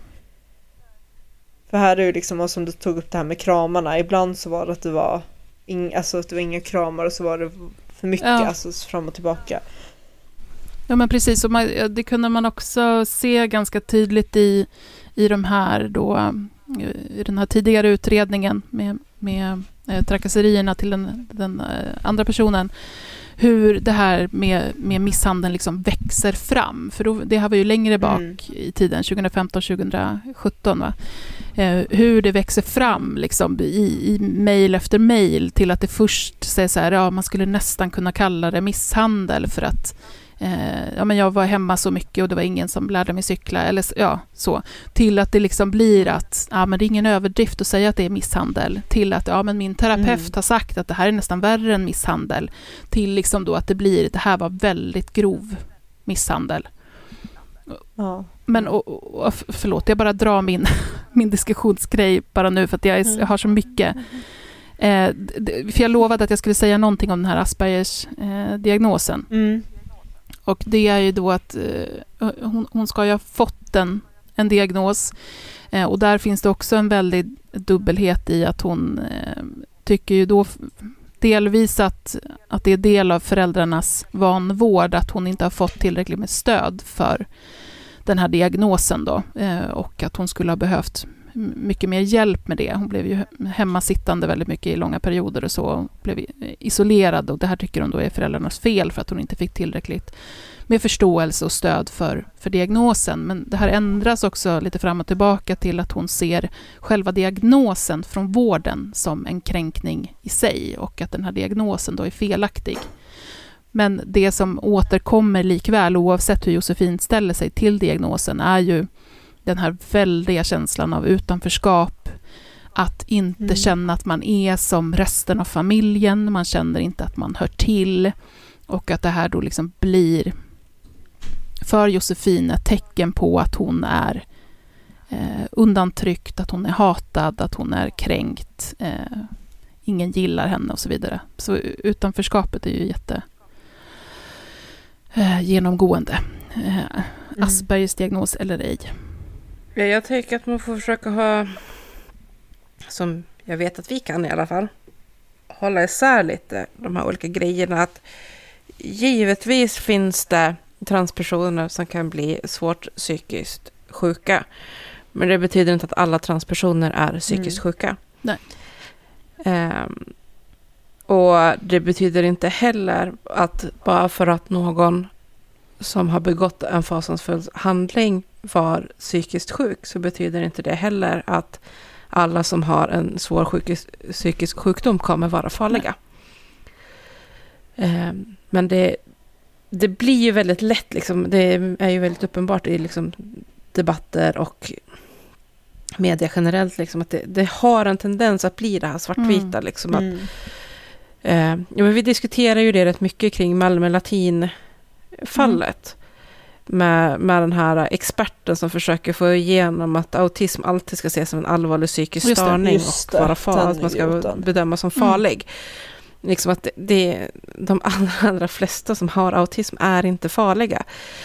Eh, faktum är liksom att en ganska stor andel till och med personer som har olika typer av empatistörningar är inte farliga för sin omgivning, för de bryr sig för lite för att skada Mm. någon. Alltså, Ja, ja.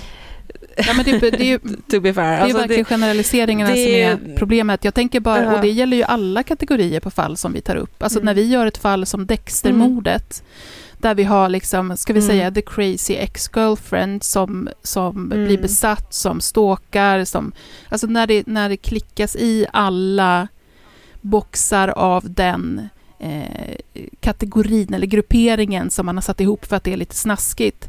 Det, att den generaliseringen inte stämmer betyder ju inte att det någon gång kan, kan bli så att en person klickar i alla boxar, Mm. men att det inte betyder mer än så.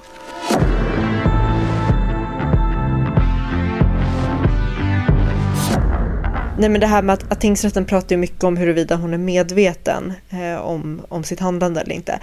Jag kom på det nu att, det, att de, de lägger krut på det handlar ju säkerligen om det faktum att hon, hon hävdar att hon fick en, liksom, vad heter det, men typ en Blackout. blackout. Mm. Eh, att hon, att det liksom bara knäppte till och det bara, inte, hon säger inte att hon inte, att hon inte liksom minns någonting, inte det, men att det liksom, hon säger typ att det slog slint Mm. liksom. Mm. Och jag tror att det är det de är ute efter, att säga, ja fast du, du, var, du var medveten. Nyans. Feministisk true crime med Kajan, Hanna och Paula. Ja, vad säger ni? Ska vi ta snackis? Jag, jag vet att ni vet om det här som har hänt med en rysk influencer. Hon var väl framför allt, skulle jag säga, stor på eh, TikTok. Men hade också ett Instagramkonto bland annat med rätt mycket följare och sådär. Eh, där hon skrev då en hel del om eh, raw food. Eh, och att ja, eh, fokuset var väl hälsa, hävdade hon. Hur frisk och hälsosam man blev utav att äta en vegansk eh, raw food-kost.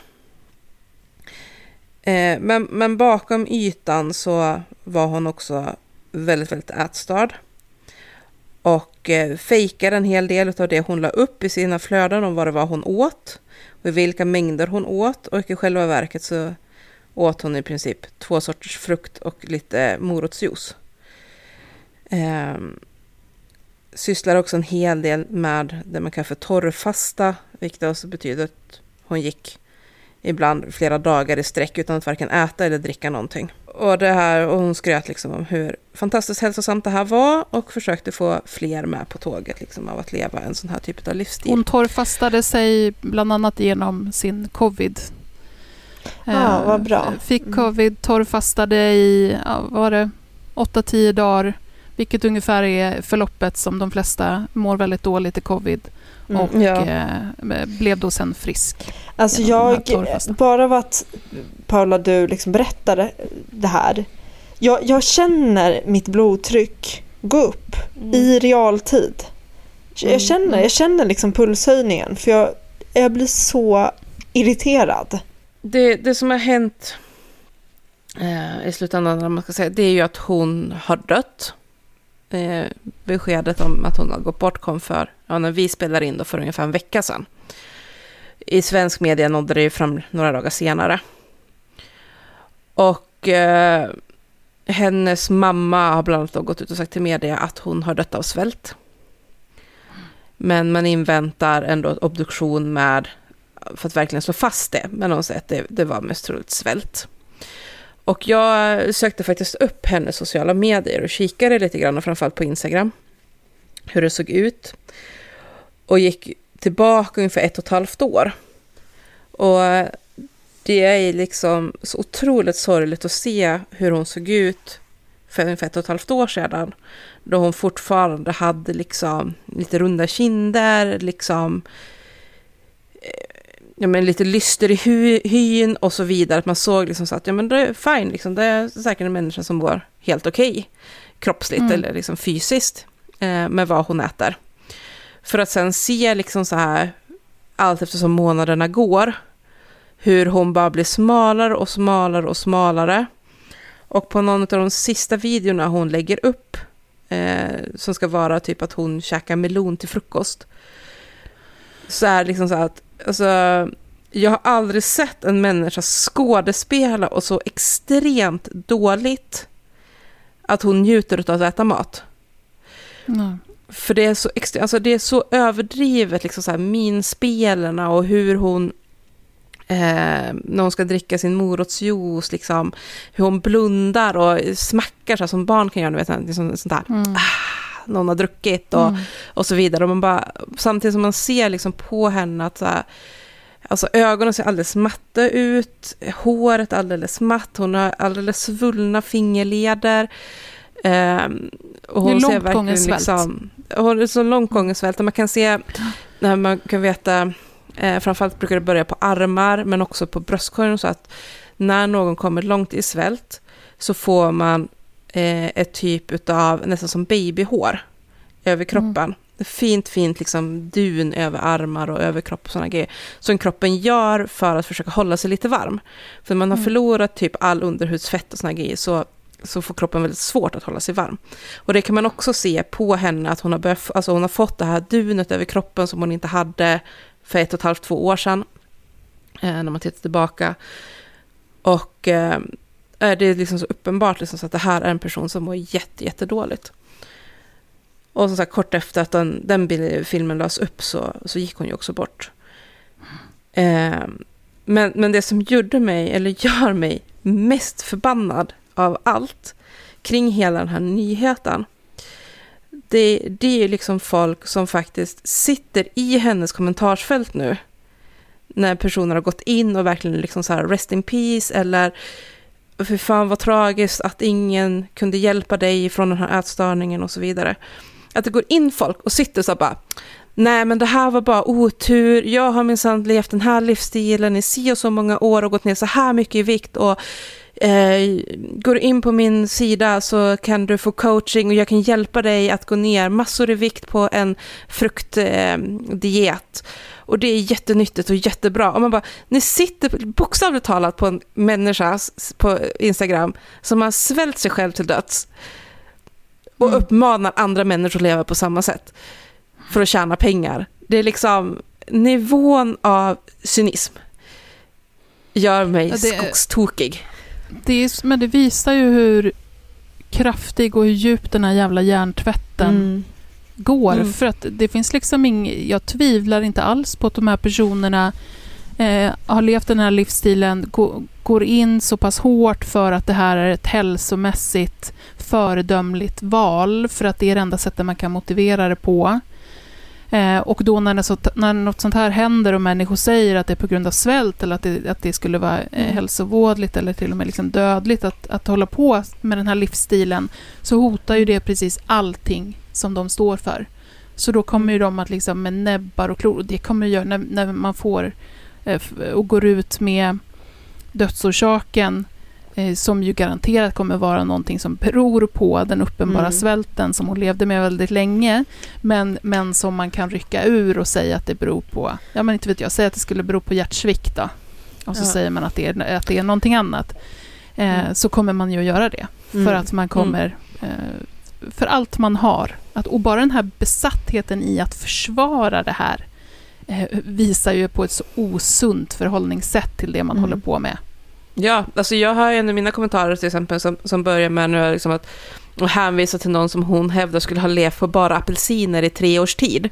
Att man inte alls Snälla. behöver äta speciellt eh, varierat och det går jättebra att välja ut någon supernyttig frukt och så äta bara den och sådär. Alltså, och jag, jag googlade på det här givetvis. Och det enda, enda jag kan hitta på hela jävla internet det är någon konstig indisk guru som nämner en anonym kvinna som han påstår ska ha levt på bara apelsiner i tre års tid och blivit jättefrisk och det har varit så hälsosamt. Det finns ingenting annat. Men- den, den liksom eh, eh, fejkläkaren som hon hänvisade till, som skulle ha levt på bara apelsiner i, i tre år, nämner ingenting sånt. Jag kan inte hitta någonstans att han nämner att han skulle ha ätit bara apelsiner i tre år. De enda grejer jag kan hitta från honom som överhuvudtaget nämner apelsiner, så är det vilka grönsaker man ska äta ihop med apelsiner för att få det bästa eh, födoämnesupptaget. Liksom. Ja, alltså jag menar kroppen kan, har ju en förmåga att, att anpassa sig för att överleva på, på väldigt lite och konstig mat. Men det betyder ju, jag menar att som, förr eller senare så kommer man ju dö. Och Mm. även om man inte dör så kommer man ju leva ett pissigt, sjukt liv. Så här, ja, du kan ju visst, du kan ju äta, du kan ju äta bara, äta bara grönsaker. Men hur, vad, är det, vad, är det, vad kommer det för, för liv och vad får det för konsekvenser? Ja, men det kommer inte bli bra. Mm. Men- Nej, nej, men hon, hon sitter ju också och hävdar liksom att man inte alls behöver ta tillskott som vegetarian eller vegan. För att eh, tarmarna bildar tillräckligt med eget B12 om man bara är frisk och äter på ett bra sätt. Nope. Ehm, nope. nej. Vilket, eh, och så när jag svarar bara så, fast det, är det någonting man vet vetenskapligt så är det att tar man inte B12-tillskott när man är vegetarian eller vegan så kommer man få B12-brist Och förr eller senare. Det händer, det, är liksom, Ja. det vet man, det händer. Eh, och man har gjort, ja, I flera olika länder så har man gjort studier där man har jämfört B12-nivåer hos de som är allätare mot de som är vegetarianer mot de som är veganer och konstaterat att så fort framförallt veganer inte äter B12-tillskott så får de brist. Men jag tänker att de som, det kan ju också bli en sån här grej att folk som inte tar tillskott och inte har brist då tror att de inte behöver det. Men det man då missar är att det finns ju väldigt många såna här olika produkter, det är säkert inte att det räcker, men det finns ju väldigt många olika produkter som har tillskott. Alltså man har satt dit B12 i så havremjölk och sånt där och då, då, ät, då blir det ju liksom att man får i sig det artificiellt. Precis. Eh, men att, Vilk, vilk, fine, alltså Ja. nu, nu hävdar ju hon på sådär att ja, men personer som lever på enbart frukt i 20 år utan att ha tillskott och absolut inte skulle ha B12-brist, man bara det existerar inte. Nej. Det, då ljuger de, på ett annat sätt så ljuger de, för man får B12-brist i det läget. Ehm, men, eh, men det är liksom, jag länkar till henne till sist, liksom, för hon, någon sån här studie bland annat då, som man hade gjort i eh, Tjeckien. Just jämfört liksom, veg- vegetarianer eller veganer som tog tillskott på ett eller annat sätt och de som inte gjorde det. Där jättemånga, alltså typ alla som inte hade tagit tillskott hade B12-brist. Medan det varierade lite grann hos de som tog tillskott beroende på så här, tog de det medvetet eller tog de det genom kosten, alltså berikade Mm. produkter och liknande. Mm. Eh, och de som då eh, höll sig till berikade produkter, alltså drack havremjölk med B12 till exempel, de hade lite högre frekvens av B12-brist än de som faktiskt Mm. medvetet tog tabletter eller tillskott liksom för, att, för att få upp det. vet du vad jag tycker? Ehm, ja, förlåt. Nej, men det jag skulle säga bara var liksom så att oavsett, alltså jag känner som så att jag tycker det är skitbra med de som kan vara veganer och vill vara veganer som är veganer. Om man gör det på ett rimligt sätt. Men jag tycker liksom det, det är ju exakt samma åt andra hållet. Jag tycker att det är idioti med de här carnivore dudesen, för det är ju framförallt män som håller på med det här. Och som istället liksom går helt käpprätt åt andra hållet. Och det är liksom så här, när jag ska bara dricka benbuljong och käka rått kött. Och man liksom... Ja, men dra något gammalt över er. Ingen av er kommer må bra i längden. Eh, jag vill bara, jag har två grejer, nu har jag glömt bort den första men det kanske kommer tillbaka. Eh, nej men jag vill bara, jo nu kom jag på den. nej men jag, jag bara noterade, för att jag läste den här nyheten precis, alltså pre, innan det, folk typ hade sett det. Alltså jätte- jättetidigt, precis efter att det hänt. Och hon har typ mer än dubblat sitt följarantal efter att hennes bortgång. Och jag, jag blir så här att, ja men ska folk nu sitta och inspireras av det här? Det är bara en så allmän oro eller frustration över hur många nu som liksom att hon har fått så mycket uppmärksamhet, hur inspireras av det här. Jag vet att jag låter okänslig, eh, men sen vill jag också bara säga att jag tänker att det här handlar inte om veganism eller vegetarianism eller någonting sånt överhuvudtaget. Det handlar om en Nej. sak och det är hennes ätstörning. Det är Mm. liksom, hela den här raw food grejen handlar inte om att hon är att hon är någon slags raw food människa som, hon är, det är uppenbart att hon har en ätstörning. Mm. För jag tänker, men Ja, det finns ju folk som äter raw food och mår bra på det. Ja, min mage hade ju fullkomligen ja, exploderat av alla fibrer. Men det finns ju människor som, som vill det och det, går, det är fine. Och, men, men det här är ju inte om det alls. Nej. Nej, men det här och- handlar och varken om du det- veganism eller raw food eller egentligen någonting annat. Det handlar om någon som har blivit extremt, extremt ätstörd. För igen, hade hon ätit som hon gjorde i början av sin influencerkarriär så tror jag aldrig att det hade blivit något problem. Men det som hände över tid var ju att hon åt mindre och mindre portioner och begränsade mer och mer och mer vad hon tillät sig att äta. Och då det går det åt helvete. Ja, det är gör det för alla, oavsett i vilken Ja. riktning man drar det där. Alltså även om det är någon som börjar med att utesluta allting i brödväg för att bara äta en massa kött och grönsaker och sen dra ner ännu mer på vilka grönsaker de får äta tills de sitter där med en carnivore diet så kommer det gå åt helvete. Om man dessutom då börjar minska portionerna också. Men, För men det, det, här, det det här är ju verkligen, och det här hoppas jag att vi får mer kunskap om framöver, de olika sätten. Vi har fortfarande en väldigt begränsad syn av hur ätstörningar ser ut och vilka uttryck de Mm. tar sig. Eh, och hur ätstörningarna också har utvecklats förstås i samspel med hur samhället utvecklats, där det här eh, hälsohetsen och eh, behovet av att känna sig ren har sammanstrålats med ätstörningen. Alltså jag hade under, vi, nu kanske vi ska triggervarna att vi får väl skriva det i avsnittsbeskrivningen, men eh, under min ätstörning och när jag var som sjukast så hade jag, dels så provade jag att vara eh, både vegetarian och vegan därför att alla typer av restriktioner spelade väldigt väl ihop med min sjukdom och gjorde att jag kände mig duktigare och var jag duktigare fick jag mindre eh, ångest för, för att jag åt.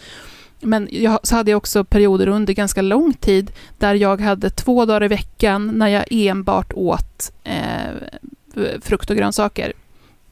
Och jag har aldrig känt mig så under, jag har var ätstörd väldigt, väldigt länge. Alltså vi pratar väldigt, väldigt många år. Jag kände mig aldrig så ren i min ätstörning eh, som de gångerna när jag bara åt eh, kanske råbroccoli en hel dag. Mm. Det, att, att de, det här är liksom inte en slump att de här två sakerna eh, existerar liksom parallellt och har så många saker lika. Den här känslan Mm. av eh, att, att vara så ren och också att, att kunna bli väldigt smutsig om man äter någonting fel är ju hela Mm. kärnan i liksom hur en ätstörning är uppbyggd. Att, Ja, men också hela men också den här... hela det här kompenserandet Ja, som men- de håller på med. Som med hennes torrfaster till exempel då. Ja. Visst. Men sen också allt det här i det fucked up samhälle som har kategoriserat in mat på ett väldigt godtyckligt sätt i god, god, god och ond, ren Mm. och smutsig. Alltså det är ju Mm. liksom... Ja, det är så många influencers som pratar om det här renhet, att de ät, använder ordet ren. För mat, Mm, vadå de äter ren? ren mat. De äter Alltså det är ju väldigt så i, i raw food-grejen Ja. är ju väldigt mycket clean, ren clean ingredienser, eating. ren mat.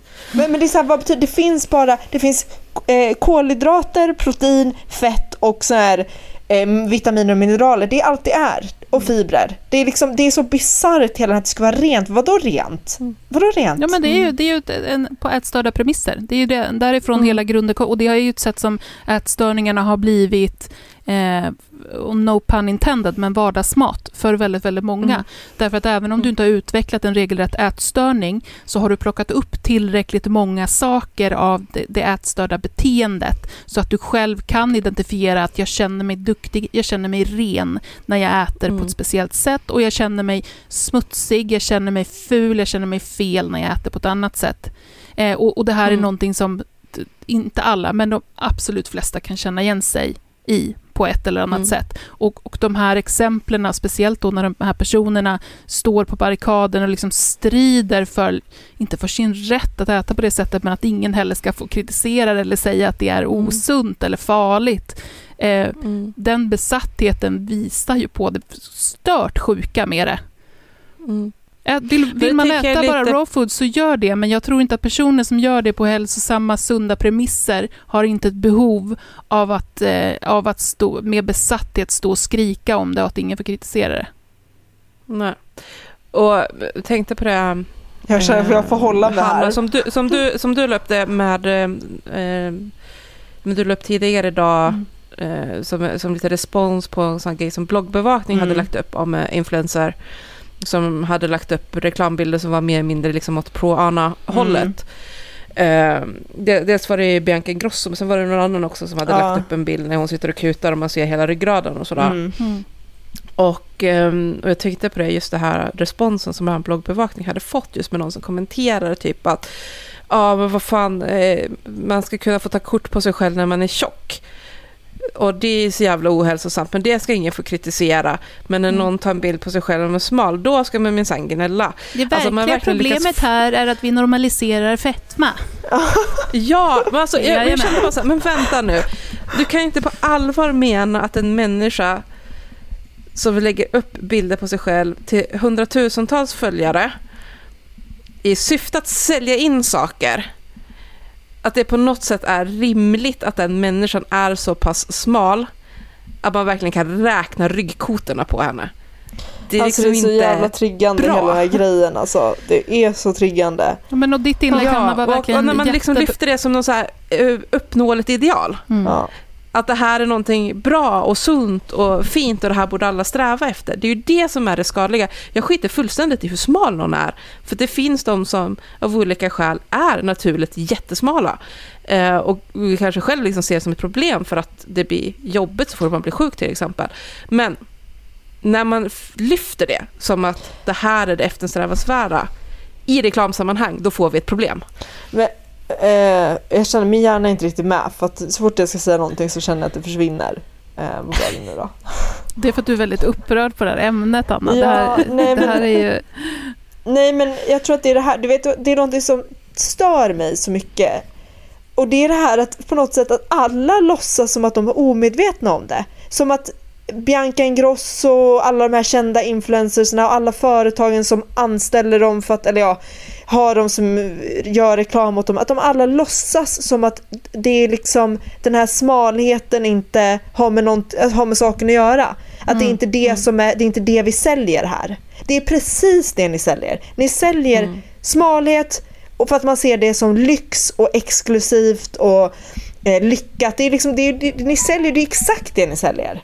Ja, Det är det, ni hade inte fram- lagt upp bilden om det inte var för smalheten. Det är det, Nej, det, och, och framförallt när man gör det med personer som uttalat är i en aktiv ätstörning Ja, just nu. ja. Det blir ganska svårt att komma undan den grejen då som att det skulle vara någon slags slump eller den här personen Ja. råkar bara vara smal. Ja men okej, men kanske då att det inte, om du gör reklam för smycken eller vad fan det är, kanske då inte att du ska kuta med ryggen och zooma in på dina ryggkotor. Alltså, Ja, då, är alltså, det huvudet är för fan inte ens med. Huvudet är inte ens med i bilden. Nej. Då är det, Det är liksom, liksom- någonting annat man... Men jag, jag blir så irriterad. Och det, jag har så många som är så här, ah, men vi ska faktiskt inte, vi ska, man får inte kommentera andras kroppar. Men alltså, jag känner bara håll käften.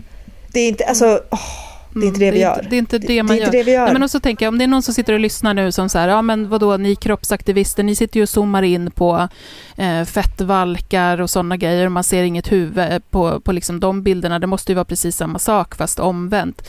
Ja, en kroppsaktivist är en aktivist för att göra motstånd mot någonting som finns.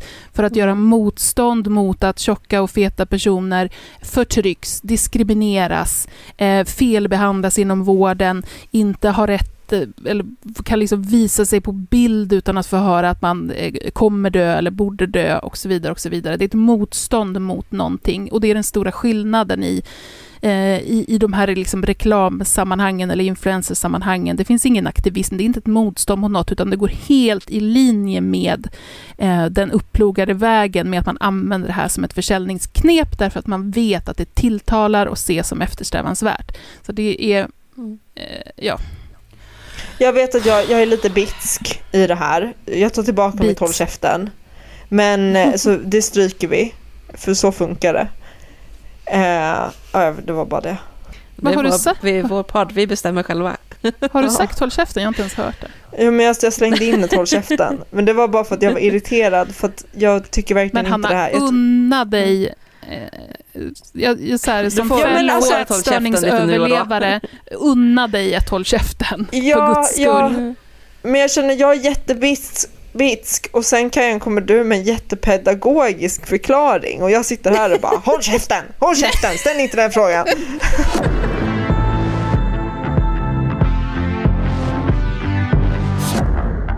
Alltså jag kommer att tänka på, apropå allt det här, ett, ett avsnitt i den här tv-serien Super Size vs Super Skinny som gick Mm. på tv för hundra år sedan. Och som ju, då när den gick så var ju jag också mitt i såna, fortfarande jätteätstörd och tyckte serien var superbra. Ja, jag älskar den. Eh, för att den Mm. var ju perfekt att använda som eh, bränsle för... Alltså, själva upplägget var ju att man skulle titta på hur de här två personerna som var med i varje avsnitt åt och konstaterat att båda åt jättedåligt och som de äter ska man inte göra. Problemet var ju bara att den smala personens kost blev ju jättebra mall för ja men så här kan man tänka, så här kan man göra Mm. för att bli jättesmal. Mm. Eh, tvärs emot vad som kanske var syftet som sagt. Eh, men då var det ett avsnitt, minns jag, då det var en kvinna som var med som eh, just så här, levde på apelsiner och pekannötter. Så, så jävla apelsiner. Ja, det var, det var därför jag kom att tänka på den. Ja. Hennes jävla apelsiner. Eh, och hon hade intalat sig själv att hon var allergisk mot gluten, hon var allergisk mot vete, hon var allergisk mot havre, hon var allergisk mot mjölk, eh, hon mådde dåligt av köttprodukter. Alltså hon hade liksom så, här, så att när folk liksom tyckte att hon åt väldigt restriktivt så, så sa hon ju bara liksom så att ja, men jag är typ allergisk mot allt. Eh, så därför kan jag bara äta vissa nötter och apelsiner. Det var typ det liksom. Mm. Men, men jag kommer ihåg för att eh, en, en sekvens i det här avsnitten av varje gång var ju att ja, men först fick den tjocka se liksom så här hur vikten och kosten hade påverkat den personens hälsa. Och sen fick den smala personen också se liksom hur, hur dens kost hade påverkat dens hälsa. Och just i avsnittet så var det som när den här kvinnan då fick, fick veta liksom så här hur kroppen faktiskt mådde. När man hade gjort så här, tagit blodprov och kollat olika näringsvärden och så vidare. och Så vidare så vart ju resultatet att hon hälsomässigt hade en mycket sämre status Mm, än vad den tjocka snubben hade. mm, Som det kan jag verkligen tänka mig. Och hon var liksom helt, helt chockad för hon var ju så säker på att hon som bara åt färska, rena, nyttiga produkter och var smal Mm. var den som var den hälsosammaste utav dem.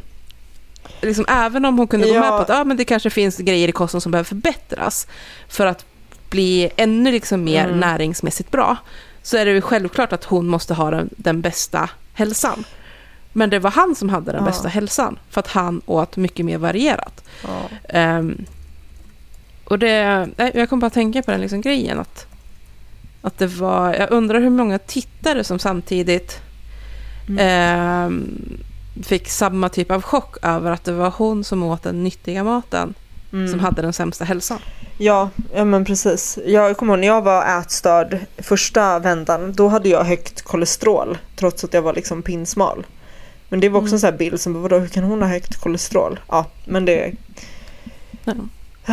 Ja, det kan vi skicka med som så här avslutande grejer till lyssnarna. Tro inte att du är hälsosam för att du är smal. Det är min input. Och lever på apelsiner. Och lever på apelsiner. Och håll käften. Och håll käften. Och håll käften. Nej hörni, fan vad kul det var att få Ja. podda igen. Ja, Längtar underbart. redan till nästa gång. Jag tror att alla som lyssnar nu- märker nu, att vi har hörni. mycket. Mm. Va? Nu kan vi ju säga det! vi Ja, har ju det inte kan vi. berättat. Det kan vi. Två avsnitt i Ja, veckan. Hörni, så Alltså. vi kommer spela in igen redan på onsdag. Då blir det bonusavsnittet som Det vi spelar så in. bra. Så från och med nu, hörni, så är ni inte Patreons så får ni ett avsnitt i veckan. Är ni Patreons så får ni två avsnitt i veckan. Och Patreons får dessutom alla avsnitt reklamfria. Alltså det här är så stort. Det här är det största är så som hänt stort. i poddens historia. Det är fantastiskt kul. Eh, så nu säger vi tack och hej. Okej, ja, okej, puss, hej. hej.